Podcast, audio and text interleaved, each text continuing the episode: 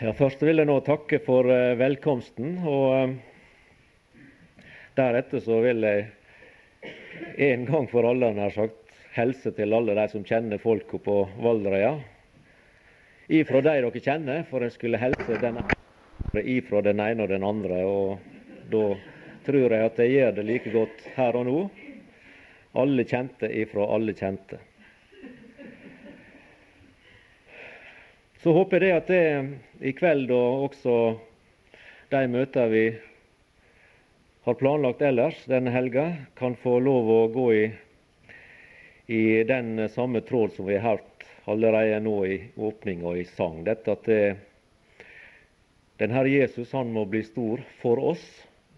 At, han må bli, at vi må få en fornya tillit til Han og en fornya erkjennelse av hvor viktig Han er. At Han er alt for oss og er den viktige for oss, og at uten Han er vi ingenting.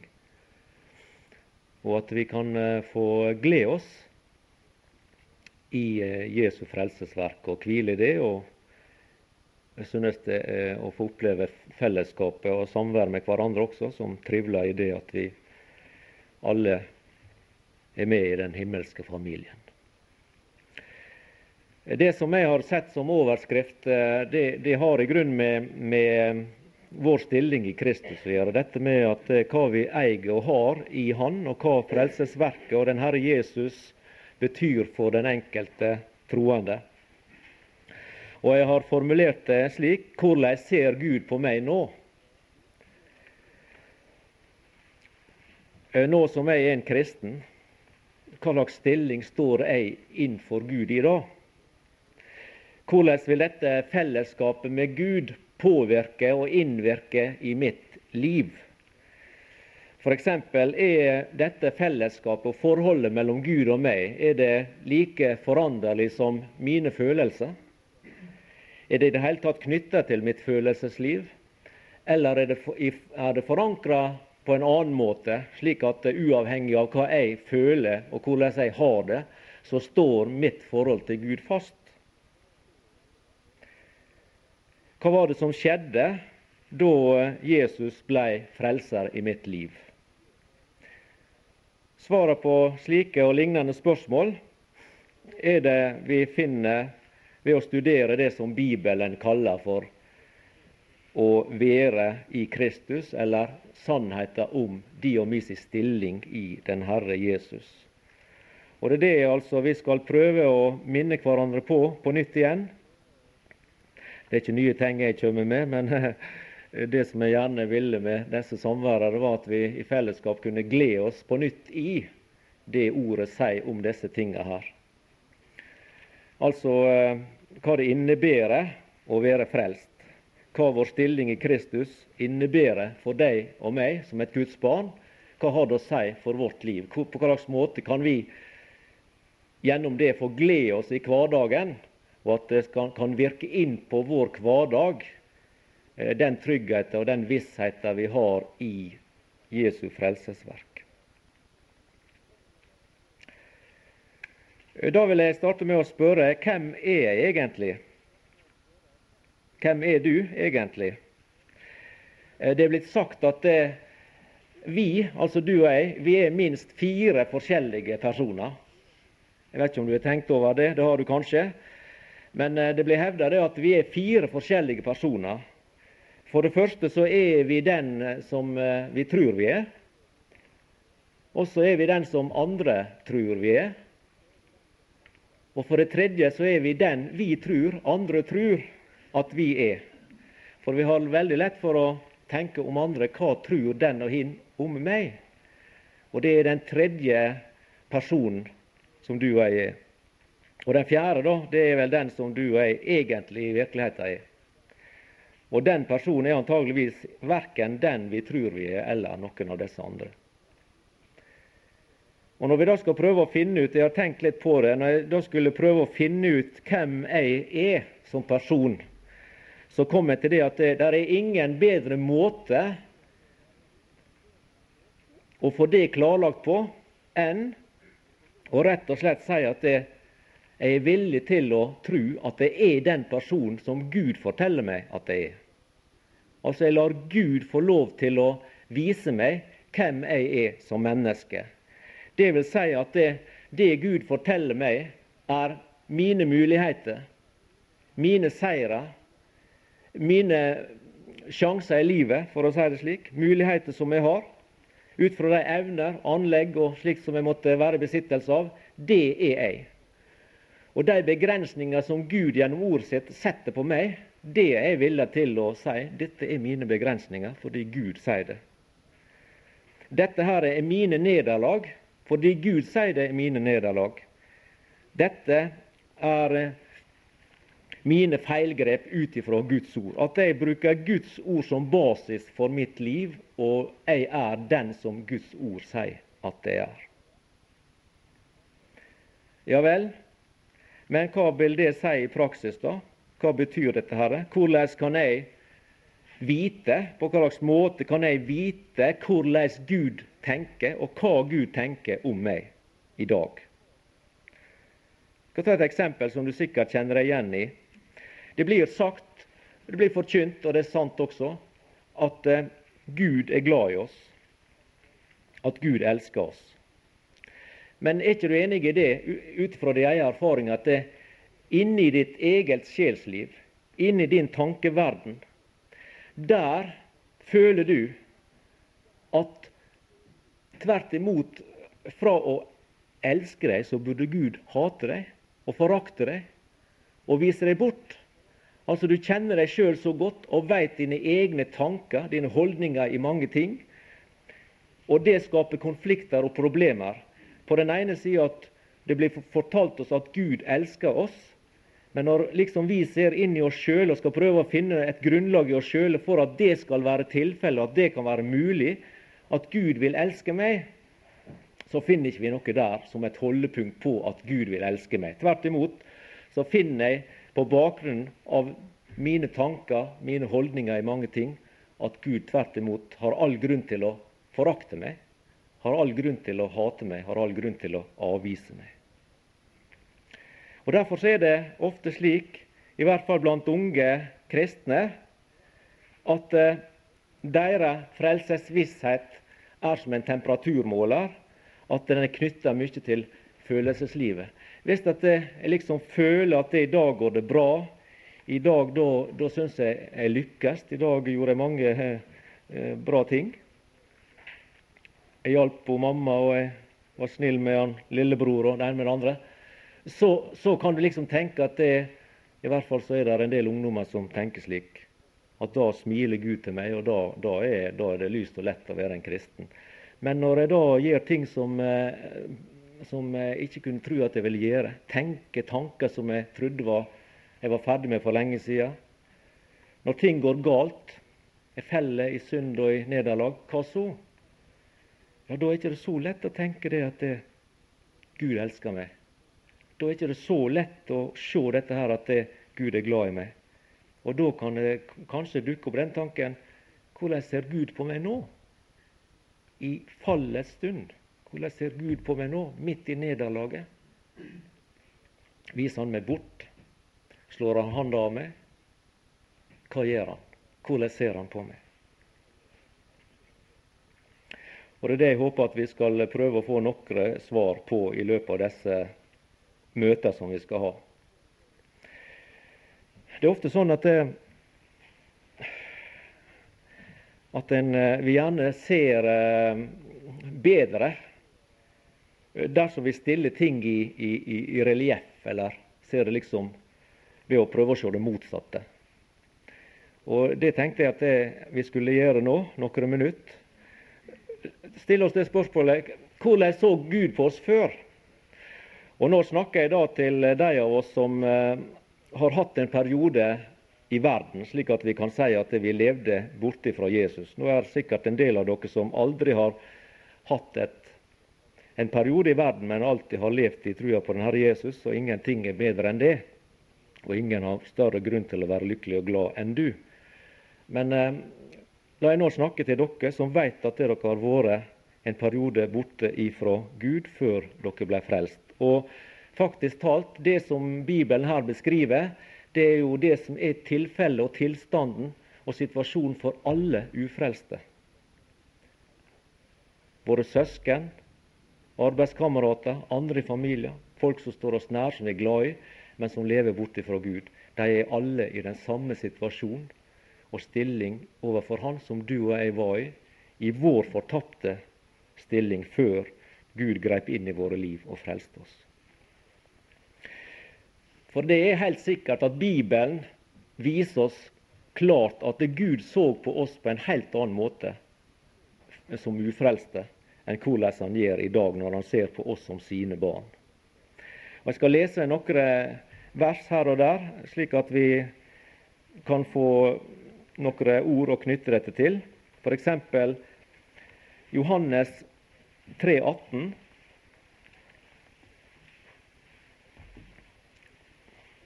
Den som tror på ham, blir ikke dømt. Den som ikke tror, er allerede dømt, fordi han ikke har trodd på Guds sønns, enbårne sønns navn. Der er nøkkelordet 'dømt'. Er allerede dømt. I Matteus evangelium, det 18. kapittel, 11. vers, et veldig kjent vers. For menneskesønnen er kommet for å frelse det som var fortapt. Og Samme uttrykket er brukt i 2. Korinterbrev, kapittel 4 og vers 3, der det står Er da enn vårt evangelium skjult, så er det skjult blant dem som går fortapt. Så der har vi nøkkelordet 'fortapt'.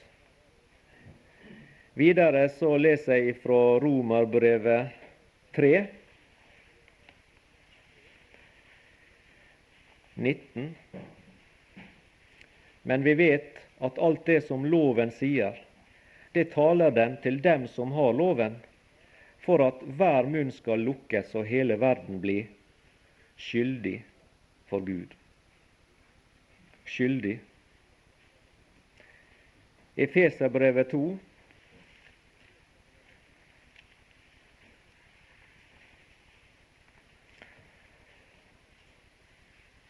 Eh, for eksempel vers 1. Også eder har han gjort levende, i som var døde ved eders overtredelser og synder. Og samme står i vers 5 enda vi var døde ved våre overtredelser. Altså det vi kan kalle for åndelig død. I kapittel 4 i Feserbrevet, der står det i vers 18 formørket i sin tanke, fremmedgjort for Guds liv. Fremmedgjort for Guds liv, altså hvis vi sier det med andre ord, så kan vi si at eh, og de forteller også andre vers her i Feserbrevet at vi kan si at vi var adskilt fra Gud. Eh, og Romerbrevet 5, 10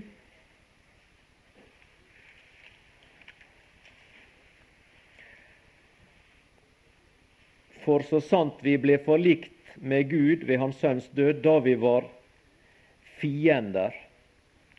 Og Samme uttrykket har vi i Kolossenserbrevet 1, vers 21. Kolossenserbrevet 1, 21. Også er der som fordum var fremmede og fiender ved eders sinnelag i de onde gjerninger. Og Kanskje et av de mest dramatiske ordene Eh, det er dette uttrykket som vi finner i Feserbrevet 2.3 vredens barn. Dere var vredens barn, sier Paulus, like som de andre. La vi summere opp de ordene her som er knytta til disse bibelversene. Hvordan så Gud på deg og meg i vår ufrelste tilstand? Hvordan ser Gud på et ufrelst menneske i dag? Jo, han ser det som fordi de ikke har tatt imot den Herre Jesus og trodd på Jesus, Guds enbårne sønns navn, så er mennesket allerede dømt. Det er Guds nåde og Guds langmodighet som gjør at Gud ikke eksekverer den dommen som er egentlig avsagt over det mennesket. Det er jo Guds langmodighet til frelse som gjør at mennesket fremdeles midt i sin vondskap, synd og villskap på jorda får lov å leve og fortsette i denne syndens pøl, for å si det slik, uten at Gud griper inn, og at Gud på en måte, i hvert fall sett med verslige øyne, så virker Gud kanskje veldig passiv. Mens vi som eh, har lært han å kjenne gjennom ordet, vi vet at det er ikke tilfellet. Gud er aktiv, som han alltid har vært. Gud er stadig på leiting. Gud er fremdeles hyrden som leter etter det fortapte fåret, og som går over berg og dal, som vi synger i sangen, for å finne dette fortapte, for å finne det og vinne det tilbake til seg. Men for et verslig menneske så kan det se ut som at det Gud har trukket seg tilbake, at Gud han er taus, Gud er passiv. Men det som er den egentlige årsak, det er jo det at Gud er langmodig, som Peter sier, for han vil ikke at noen skal gå fortapt. Og han er full av nåde og full av frelse, og som han vil overøse synderen med. Og Derfor holder han liksom utførelsen av dommen tilbake. Han har ikke ennå eksekvert dommen, men mennesket er allerede dømt fordi det ikke har trodd på Guds enbårne sønns navn. Ja, Matteus 18 sa det at det, det er fortapt. Fortapt. Han kom for å søke å frelse det som var fortapt. Og Det sier også Korinterbrevet, som vi las. At hvis vårt evangelium er skjult, sier Paulus, er det skjult for de som går fortapt. Skyldig for Gud, står for Gud i sine egne synder, står for Gud som skyldig, er åndelig død, er adskilt fra Han, fremmedgjort for Guds liv. Vi er fiender, Guds fiender. Ja, sier Paulus i Efeserbrevet 2, vi er vredens barn. Slik ser Gud på et ufrelst menneske. Så, sånn, slik så Gud også på deg og meg i vår ufrelste tilstand. Vi var fortapt slik som sangeren sier. Vi var fortapt og så ingen vei. Og så opplevde vi vår lykkeligste dag. Da frelste blodet. Men før det skjedde, så levde vi fortapt, borte fra Gud. Slik som Paulus sier også i Efeserbrevet, uten Gud og uten håp i verden. Og Det er en forferdelig tilstand å leve i. Og Det som er så ille, det er at mennesker ikke er seg bevisst denne tilstanden. De, de lever og tror at de er lykkelige, og lever og tror at de har det så bra på alle måter, og syns at livet ofte er en suksess. Og så balanserer de etter Guds ord på knivseggen og lever som på ei kruttønne i forhold til Gud. Og det er klart at Hvis mennesket ble overlatt til seg sjøl og sin egen skjebne, så ville vi alle sammen leve i den tilstanden av fortapthet, av synd, og være skyldig, også gå inn i den evige verden som skyldige, som fortapte, som evig døde. Men det som er evangeliet, og som gjør det så herlig å få bringe det videre fordi vi sjøl har fått opplevd i våre liv og sett det, det er at Gud han så at vi trengte tilgivelse. Han så at han, vi trengte å bli funnet av Han fordi vi gikk våre egne veier. Vi fant ikke tilbake til Gud i egen kraft, men vi gjorde akkurat det som Messiah sier. At vi for alle vill som sauer. Du for én vei, og jeg for én vei, og en annen for den veien. Og det som var felles for oss alle, det var at vi valgte vår egen vei, og alle veier førte bort fra Gud. Og Gud så dette, og så satt ikke han passiv og lot det skje. Men han så at vi trengte å bli funnet. Derfor var det at han sendte den Herre Jesus som den gode hyrde, som setter livet til for sauene, Fordi han som hyrde skulle gå etter den fortapte, leite han og henne opp igjen. Og finne henne og han og vinne dem tilbake. Han så at vi hadde bruk for en stedfortreder. Fordi vi var skyldige, så måtte vi ha en som kunne ta bort vår skyld. Og derfor setter han inn denne sin enbårne sønn, den Herre Jesus, som stedfortreder for oss. Han så at det vi var Adams barn, det visste han bedre enn vi. Og han så at det vi hadde behov for for å komme i samfunn med han, det var at vi måtte bli født på ny. Han så at vi trengte en ny fødsel for å komme inn i Guds familie. Han så at det vi trengte å bli forlikte. Vi trengte forlikelse. For vi las jo her fra Romerbrevet 5 at eh, vi var Guds fiender. Og som fiend, fiendskap, der må det forlikelse til. Og det kunne ikke du og jeg. Vi kunne ikke forlike oss av egen kraft og finne på det sjøl. Men Gud han så at vi trengte forlikelse. Og alt dette som du og jeg hadde behov for og bruk for, syndets forlatelse, å bli funnet av Han, en stedfortreder som gikk inn i vår stad, at vi ble født på ny ved Guds ord og ånd. At vi ble forlikt med Gud. Alt dette her, det ordna Gud gjennom og ved Jesus Kristus. Han sonte vår synd. Han betalte vår gjeld. Han blei såra for våre overtredelser, knust for vår misgjerning. Straffa den la Gud på han, sin sønn, for at du og jeg skulle gå fri. Og så har vi fått fred i hans sår. Og så forlikte han oss med Gud som Korinterbrevet sier. Han forlikte oss med seg. Så du skjønner det at dette det setter Gud inn for å redde deg og meg. Vi som var fortapt, vi som var fordømt, vi som var skyldige, vi som ikke hadde Guds liv. Vi som var Guds fiender og vredes barn og var fortapt i oss sjøle og ikke kunne gjøre noe til vår redning så er det at Gud griper inn gjennom og ved Jesus Kristus og ordner alle våre behov. Og da er det vel klart at det, når jeg da stiller spørsmålet hvordan ser Gud på meg nå? Etter at Han har gjort alt dette og funnet meg og ført meg inn i sin familie, og jeg er blitt et av hans kjære barn, hvordan ser Han på meg da? så er du vel enig i at det, det er ganske sikkert han da ser annerledes på meg enn hva han gjorde før, da jeg levde i den fortapte stilling, skyldig og fremmedgjort for Guds liv. Og Det er der dette uttrykket kommer inn. at det, Når vi da skal se på hvordan Gud ser på oss i dag som Guds barn, da er det at dette uttrykket at vi ikke kommer forbi det, dette i Kristus. For Gud han ser alle troende å være i Kristus. Og Jeg vil gjerne nå ta deg med på en liten reise gjennom eh, de tre første kapitlene av Efeserbrevet, eh, for å vise litt av det Paulus forteller om hva og hvem og hvordan og hva du og jeg eier i Kristus. Altså, la vi prøve å minne hverandre på noe av den rikdommen som vi har fordi vi er i Kristus.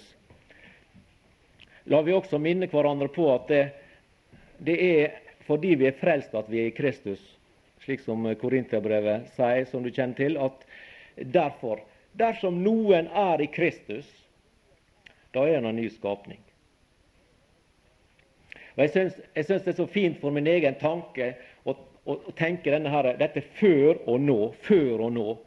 Hvordan var det før? Et ufrelst menneske har ei førhistorie i sitt forhold til Gud, som jeg har vært inne på. Og Det kaller Bibelen for mørket. Å leve i mørket. Det kaller Bibelen å leve i dødens område. For eh, det, Bibelen forteller oss om at det, vi er gått over fra døden til livet. Ja, ikke bare det, selv om det er noen sterke saker. Men det blir også framstilt at det er fra Satans makt til Gud. Og Da ser jeg for meg et, et område, et landskap på en måte, der et ufrelst menneske lever, og der jeg levde i en viss periode av mitt liv. Der lever jeg i mørket. der lever jeg under innflytelse av Satans makt. Der er jeg i dødens grep, på en måte. Og så kommer den Herre Jesus, seierherren, triumfatoren fra Golgata, og trenger seg inn i dette mørket, inn i dette dødens område, og så frigjør han oss ifra det. Han tilintetgjorde døden og brakte lys, u, liv og uforgjengelighet, står det, framfor lyset ved evangeliet. Det gjorde han. Og så fører han den som vil la seg frelse, over ifra dette Satans område, der denne verdens Gud dominerer, og så over på livets område.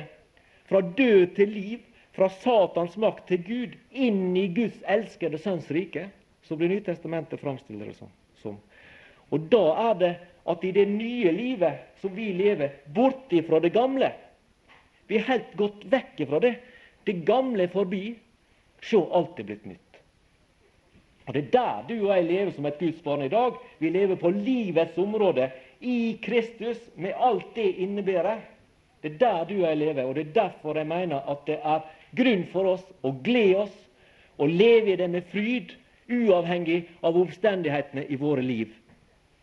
Enten vi er der oppe enn vi er der nede, enten vi er i medgang enn i motgang, enten vi er i sorg eller glede. Vår stilling i Kristus, den står fast. Og fordi det er Han som har ført oss over. Nå ser ikke vi på Valdres så veldig godt det lenger, men før før for et par år siden da, hadde vi den anskuelsesundervisning hver gang vi reiste til Ålesund. Da førte de oss over med ferga. Vi ble ført over fra ikke døden til livet, men fra Valdra til Ålesund med ferga. Vi ble ført over. Det var ikke jeg som svømte eller noe sånt. Jeg gikk om bord, og så satt jeg rola ned og drakk meg en kaffekopp og koste meg og prata med folk og virkelig hadde det kjekt på alle måter. Og Slik er det nå også. Det er en som førte oss over fra døden til livet. Du, jeg gjorde ikke noe særlig for det, gjorde vi? Og så sitter vi der, og der kan vi ha fellesskap og åndssamfunn med hverandre og med den Herre Jesus.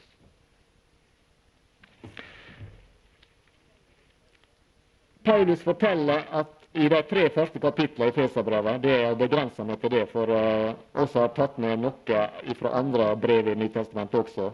For å vise hva du og jeg som et Guds barn eier i Kristus, og som den som står utenom Han, ikke eier, har del i i det hele tatt. Og da skjønner du det sikkert, det tror jeg vi kommer til å være enige med om, at når vi har lest ferdig dette, så vil du sikkert kunne synge denne sangen med fornya styrke en annen gang. Denne herre, eh, 'Jag er himmelsk millionær'. Vi er rike, ikke oss sjøl, ikke på gods og gull, men i Gud. En. Vi er, altså første kapittel da, og vers 3. vi er velsigna med all åndelig velsignelse. Det er det første jeg har notert. Velsigna med all åndelig velsignelse. Vi er utvalgt i Han før verdens grunnlov ble lagt, vers 4.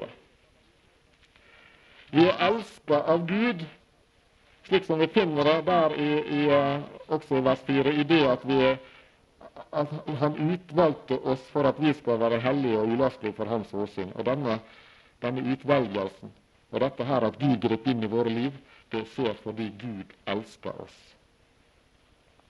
Så har Gud elska hver at han ga sønnen sin en innbårne. Det er Guds kjærlighet som kommer til uttrykk ved at han søker synderen. Kår, altså vi er barn, Guds barn. Vi er akseptert av Gud. Der har jeg brukt det ordet som vi finner i engelske bibler. 'Made us accepted'. At vi er akseptert. Det står uh, i engelsk eh, bibelvern i vers 6. Da. Til pris for sin nådes herlighet, som han gav oss i den elskede, står det i min bibel. Gud har akseptert oss i Kristus. Det er i grunnen veldig stort å tenke på akkurat det uttrykket 'akseptert', når vi tenker på når det er sitert i stad, hva jeg var før. Dømt, fortapt, uten Guds liv, fremmedgjort, en Guds fiende. Sto Gud imot nå akseptert i Han, av Han, i Han. Veldig forskjell og forandring. Vers 7 forløst, og der er også tilgitt Vi eier forløsninga. Vi eier tilgivelsen. Vers 8. Vi er gitt visdom og forstand. Vers 9 og 10 at uh, vi er blitt vist Hans viljes hemmelighet. Vi har en arv, vers 11 og 14, som Gud har garantert at vi skal få, eh, fordi at uh, Han har sendt Den hellige ånd som pant i våre hjerter. Og Det er garantisten for at uh, vi skal få arven. Så vi har en arv i vente som Gud har garantert at vi skal få ta i besittelse. Vi har gjort Hans herlighet til pris, vers 12. Vi er trygge og sikre ved Den hellige ånd, vers 13.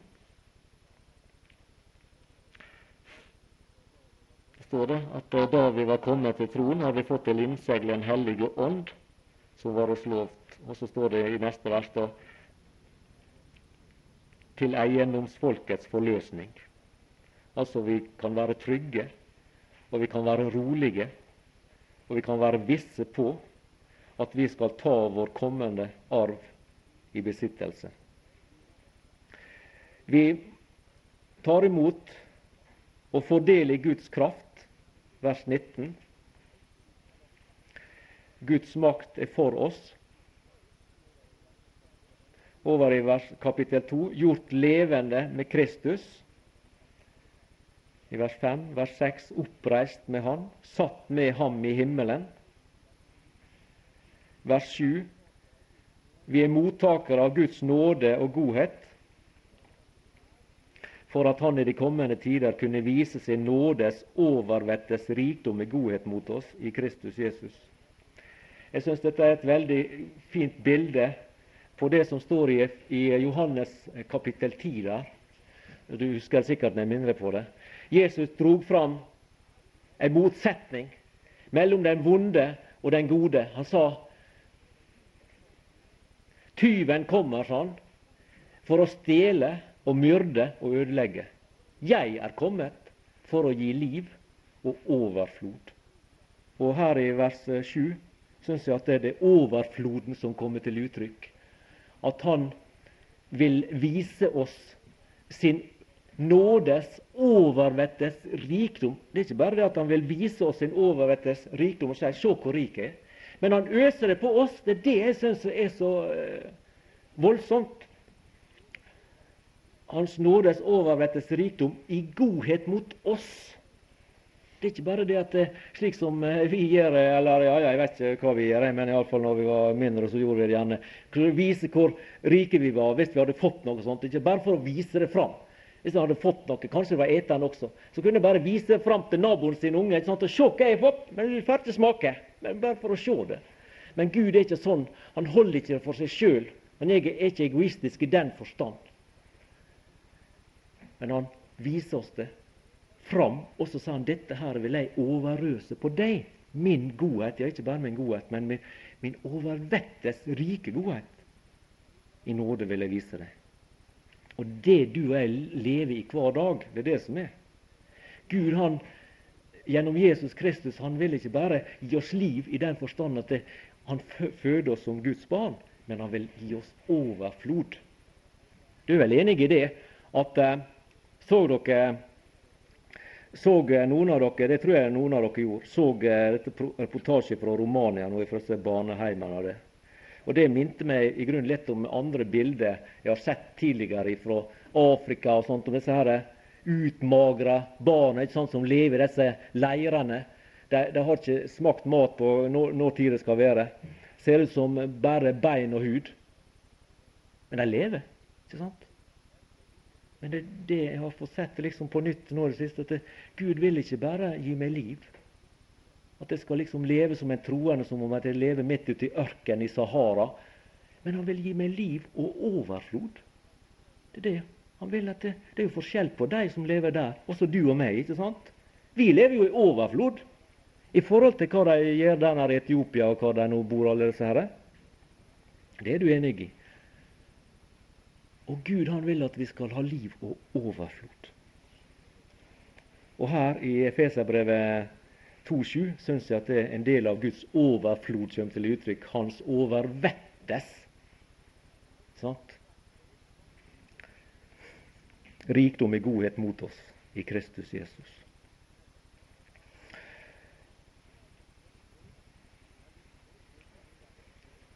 Vi er Guds verk, står det i vers 10 der. Vi er Guds verk, skapt til gode gjerninger. Og vers 13, der eh, forteller at vi er brakt nær til Gud. Vi som fordum var langt borte, vi er kommet nær til ved Kristi blod. Så nær, så nær, mer nær ei tenkes kan. Det er det som er vårt, vår stilling i Kristus. ikke sant? Vi som var langt borte, uten Gud og uten håp. Vi er brakt nær, så nær så, som tenkes kan. Vi ligger inntil Faderens hjerte. Det er ikke bare at hyrden har løfta oss opp og ber oss på sine skuldre, slik at vi ligger nær hans hjerte. Tenk på faderhjertet også. Det er et faderhjerte. Et blikk fra det himmelske høye. Ja, hva med det blikket på deg som er et Guds barn? vennlig et blikk på deg ser. Det er slik du og jeg lever i vårt forhold til Gud. Det er et vennlig blikk. Det er faderblikket. Vi som var langt borte, vi er kommet nær til ved Kristi blod. Ja, vi er forent i ett legeme, vers 15 og 16. Han gjorde de to til ett nytt menneske det han gjorde fred, og forlikte dem begge i ett legeme med Gud ved korset. Og samleis i kapittel 3 og vers 6 at hedninger er medarvinger og hører med til legemet og har del med i løftet i Kristus Jesus ved evangeliet. Vi er medborgere, det står i vers 19. Vi er ikke lenger fremmede og utlendinger, men I er de helliges medborgere og Guds husfolk. Vi er medborgere med andre kristne, vi er blant de som kan synge at 'jeg har valgt å gjøre selskap med Guds enkle vandringsmenn'. Uansett hvem de er, hva slags hudfarge de måtte være av, og hva slags sosial rang og posisjon de måtte ha, så er vi søsken i Kristus. Vi er med i dette åndelige fellesskapet. Vi er lemmer på Kristi åndelige legeme. Ja, vi er med i den himmelske slekten vi er med i Guds familie. Som det står her, vi er Guds husfolk. Ja, vers 21 og 22 sier det at eh, vi er med i en åndelig, en åndens bolig. I hvem også dere bygges opp med de andre til en Guds bolig i ånden. Vi har del i Guds løfter, det står i vers 6, kapittel 3 der, da. Har del med i, løf, i løftet i Kristus. Vi er delaktiggjort til Guds løfter. Og vers 12 i kapittel 3, der står det at vi har tillitsfull adgang til Gud. I hvem vi har vår frimodighet og adgang med tillit ved troen på Ham. Som også andre plasser står at vi, vi kan med frimodighet gå fram for nådens trone. Hvorfor kan vi det? Jo, for det er far som sitter der. Vi kan som barn for tronen gå og si 'Fader, ditt barn du hjelper meg'. Tenk på det for en forskjell ifra før. Nå har vi tillitsfull adgang til Gud. Vi blir oppfordra til det. Han har gitt oss retten til det. Å gå inn for nådens trone. Og Hvis jeg da føyer til noen plasser ellers i Det nye testamentet, som utfyller videre da, dette bildet, eller sannhetene om hva du og jeg eier i Kristus, så kan jeg bare kort si Du kjenner til bibelversene, så tror ikke du, du trenger ikke å lete deg opp. Men eh, vi er Guds barn. Det er et resultat av at vi nå er kommet i en ny situasjon i forhold til Gud vredens barn, Guds barn. Vi er rettferdiggjort, sier romerbrevet. Videre sier romerbrevet at vi er døde for synden og levende for Gud. Vi har evig liv. Vi er ikke lenger fordømt. er allerede dømt fordi de ikke har trodd på Guds enbårne sønns navn, så er det da ingen fordømmelse for den som er i Kristus Jesus. Før nå. Vi er Guds barn, vi som var vredens barn. Vi som levde og var urettferdige, syndere, skyldige for Gud, vi er nå rettferdiggjort i Kristi blod. Synda har ikke lenger noe tak på oss, har ikke noen rett i oss. Eh, men vi skal heller leve for Gud, for det er Han som har kjøpt oss. Kristus har kjøpt oss til Gud med sitt blod, som ordet sier. Videre så sier Romerbrevet at vi er forutkjent og kalt og herliggjort i Kristus. Korintiabrevet 1, 1. Korint 1,30 sier at vi er helliggjort. 2. Korintia 5,17, det ordet er nett sitert i stad, dette med at vi er nye skapninger. Og i 19. vers at vi er forlikt med Gud, at vi er rettferdige. Filippenserbrevet 3,20 sier at vi er himmelborgere. Vårt borgersamfunn er i himlene. Kolossenserbrevet 1,13 at vi er redda fra Satans makt og plassert i Guds elskede Sønns rike. Kolossenserne 2,10 sier at vi er fylt i ham. Hebreabrevet 10,14 at vi er fullkomne i Han. Og Peter han begynner jo da på dette med slekta og presteskapet. Og Han sier f.eks. at eh, vi er hellige og kongelige prester. At vi er utvalgt ett, et hellig folk, et folk til eiendom. Dvs. Si vi er Guds spesielle folk, hans spesielle folk. Gud har jo to spesielle folk. Ett eh, nær sagt materielt og ett åndelig. Og Nå snakker vi om Guds folk, det åndelige folket. Det himmelske folket som du og jeg er en del av når vi er frelst.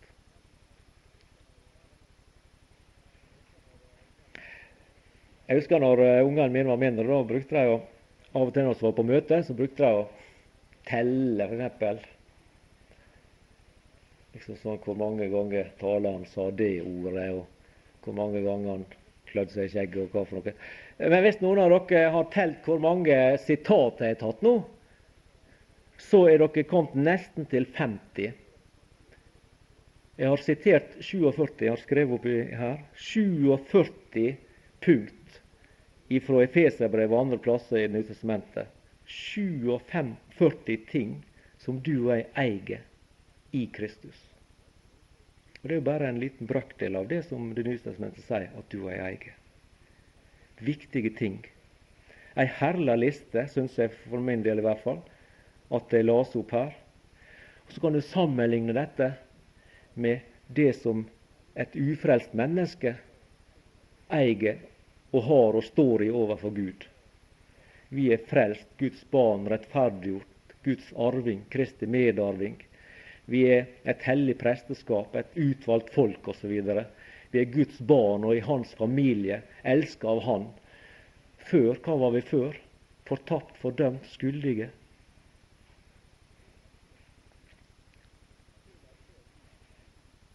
Hvordan ser Gud på meg nå, som et Guds barn? Hvordan ser han på meg? Jeg håper vi i kveld har fått uh, hjulpet hverandre til på nytt å minne hverandre litt om det. Hvordan han ser på det. Han ser på det med velbehag. Han ser på det med glede, med fryd, med tilfredshet. Han ser på deg slik han ser på sin egen elskede sønn. Han sa, som vi leser i evangeliet, 'Dette er min sønn, den elskede, i hvem jeg har velbehag'. Det sier han om deg også i dag, deg og meg. Dette er min sønn, dette er min datter, i hvem jeg har velbehag. Ikke fordi du og jeg er så prektige i oss sjøl, men fordi vi er i Kristus. Det er i Han vi eier alt.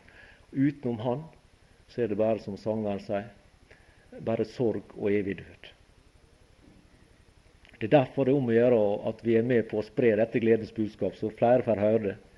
Flere får anledning til å ta stilling til det, og helst ta imot det. At de får at Gud skaper et behov i deres hjerte. Dette må jeg også eie. Jeg er jo fattig. Jeg er jo, dette må jeg få tak i. Dette må jeg også eie. Dette er rikdommer som jeg, har, som jeg har gått glipp av. At det må skapes en nød hos uh, ufrelste mennesker. En nød etter å bli frelst og komme i samfunn med Gud. Og du og jeg som hører Herren til, at uh, vi kan glede oss i og fryde oss i at uh, den nåde blitt oss til del, at Han pekte ut deg og meg. At Hans nåde og Hans kjærlighet at den ble retta mot ditt hjerte, slik du merker det. Og opplever at det, nå er det meg han vil ha tak i. Nå er det meg han kaller. Nå er det jeg som er den sauen som han hadde mista. Nå har han funnet meg. Slik som vi sang eh, før i musikklaget hjemme. I et vers i en sang 'Jeg hørte en lokkende stemme tidlig i ungdommens år'. Og det har noen av dere her hørt ei lokkende stemme. Hva for ei stemme var det? Det var hyrdestemma, den Herre Jesus, som kalte på deg som et barn, kanskje. Så fikk du åpne deg for ham. Og så får du i dag glede over at eh, enten du er ung eller gammel, så har du gått over fra døden til livet. Fra Satans makt til Gud. Alt er av nåde, frelsen er fri. Hadde det ikke vært slik, så hadde vi vært fortapt alle sammen. Og Vi må vel være enige med med reformatoren Luther når han sier det i kommentarene sine til trosartiklene at det ikke at jeg har fortjent det. Det er langt derifra. Vi har ikke fortjent dette som du og jeg nå eier. Det er av nåde. Gud har gitt oss det frivillig for sin egen kjærlighets skyld. Overøser han oss med sine gaver. Du og jeg hadde egentlig fortjent noe helt annet. Skulle ikke vi da takke Han for at Han viser oss en slik nåde? Viser oss en sånn overstrømmende omsorg og kjærlighet? Ja, det bør vi. Vi skulle nok kanskje ha stansa for hver enkelt av disse uttrykkene og tatt oss litt mer tid, men det skal ikke jeg gjøre. Det har ikke tid og heller ikke lys over alt dette her. Men jeg har iallfall nevnt det opp så kan du glede deg over det om igjen og om igjen sjøl når du leser avsnittene i Det nye testamentet. Vi skal eh, i stedet for, og det blir i morgen, da, stanse litt spesielt for Efeserbrevet kapittel 1. Og ut fra det kapitlet prøve å fortsette med å gi delsvar på spørsmålet hvordan ser Gud på meg nå? Takk, Herre Jesus, for at eh, jeg fikk oppleve i min ungdom at du kom meg i møte.